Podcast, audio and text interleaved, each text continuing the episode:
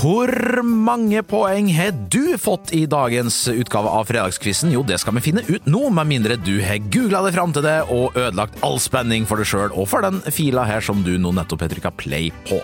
Eh, jeg skal nå lese opp fasiten, og så får du sjøl da ta eh, og regne sammen hvor mange poeng du har fått, og sjekke da om du har slått naboen, eh, kollegaen din, medstudenten eller hvem du nå enn har konkurrert mot, eller bare din gamle rekord. Hvem vet? Spørsmål 1, det var altså da til hvilken plattform det aller første spillet av The Last of Us, eh, altså spillet da som denne populære serien springer ut fra, kom. Og vi skal selvfølgelig til en plattform fra Sony som heter for PlayStation. PlayStation. Hvis du har skrevet PlayStation eller PlayStation 3, som er det helt riktige, da får du ett poeng. Så PlayStation og PlayStation 3 gir ett poeng. Spørsmål to, der ville jeg altså ha ett av de fem mest populære guttenavna i 2022. Dette er da basert på Statistisk sentralbyrå eh, sin topp ti navneliste, og har du en av følgende, ja, da får du ett poeng. Øverst så er det Jakob. Jakob. Og så er det Noah. Noah. De to er faktisk like mange, bare så dere vet det. Så er det Emil. Eller Emil, litt usikker, tror jeg i hvert fall det er Emil. Så er det Lukas og så er det Oliver. Oliver. Så har du Jakob, Noah, Emil, Lukas eller Oliver. Da får du ett poeng. Så var det geografioppgaven, da, kanskje av det enkle slaget, vil noen hevde, men jeg skal altså ha begge landa riktig her for at du skal få ett poeng her, for er du ikke et halvt poeng hvis du er én av to riktige. Jeg skulle altså ha eh, det er to lander i verden som har passert én milliard innbyggere, og det er selv begge er faktisk på 1,4 milliarder det i skrivende stund. Det er Kina, og så er det selvfølgelig India. Kina og India gir ett poeng.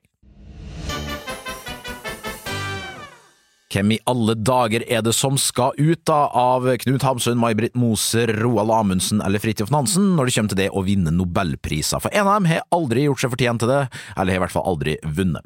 Eh, Knut Hamsun han vant faktisk litteraturprisen eh, tilbake i 1920, mens May-Britt Moser vant den i 2014. Det var i eh, kategorien som i dag heter for medisin slash fysiologi.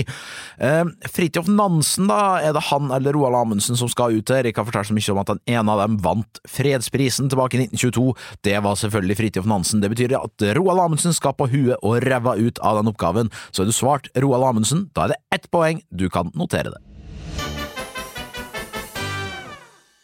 Det handla om Ivar Fridtjof Andresen, bedre kjent som IFA-pastillen på spørsmål fem, og jeg skulle ha navnet på produsenten da bak nevnte pastill, og vi skal nordover til Trøndelagen, og vi skal til Nidar. Nidar gir det ett poeng på spørsmål fem.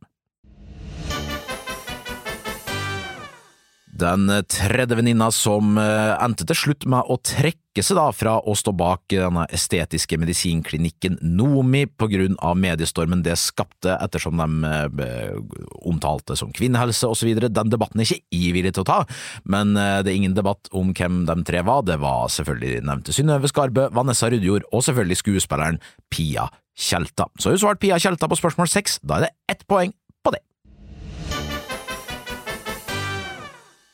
Jens Christian Vestre, spørsmål sju.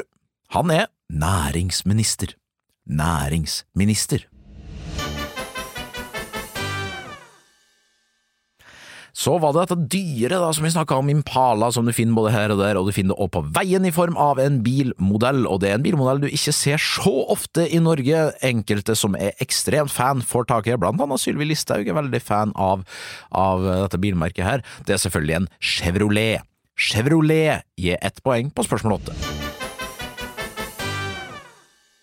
Årstallet jeg skulle ha på spørsmål ni, som er verdt to poeng, det er ikke 2002, det er ikke 2005, det er ikke 2006, men det er 2004.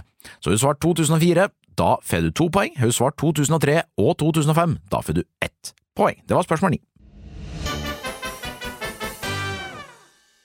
Spørsmål ti hadde kanskje dagens vageste spørsmålsstilling, men eh, noe annet ville blitt for lett i og med at det er så tett oppi dagen. Jeg lurte på hva er det Emilie Enger Mehl, altså den unge justisministeren vår, har gjort eh, med tjenestemobilen sin som er så gæren at Høyre-leder, tidligere statsminister Erna Solberg, tyr til å kalle henne for eh, en løgner, eller at hun ville føre Stortinget bak lyset.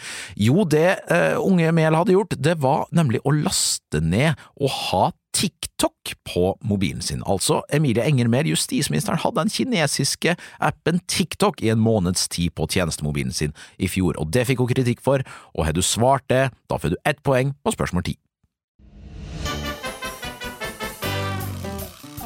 Ah, er det ikke deilig nå å kunne ta helg og vite det at eh, jo, vet du hva, jeg hadde sju av ti riktig, eller kanskje du hadde ti av ti riktig, eller kanskje du faktisk hadde elleve av ti riktig. Da har du svart alt riktig, og til og med fått to poeng på årstalloppgaven. Det skulle være mulig, det. Uansett så er det en glede at du har hørt på, og jeg håper at du skrur på igjen radioapparatet ditt neste fredag, for da er det den sjette utgaven av Fredagskvissen fra både og. Ha en strålende helg så lenge, og vi snakkes på!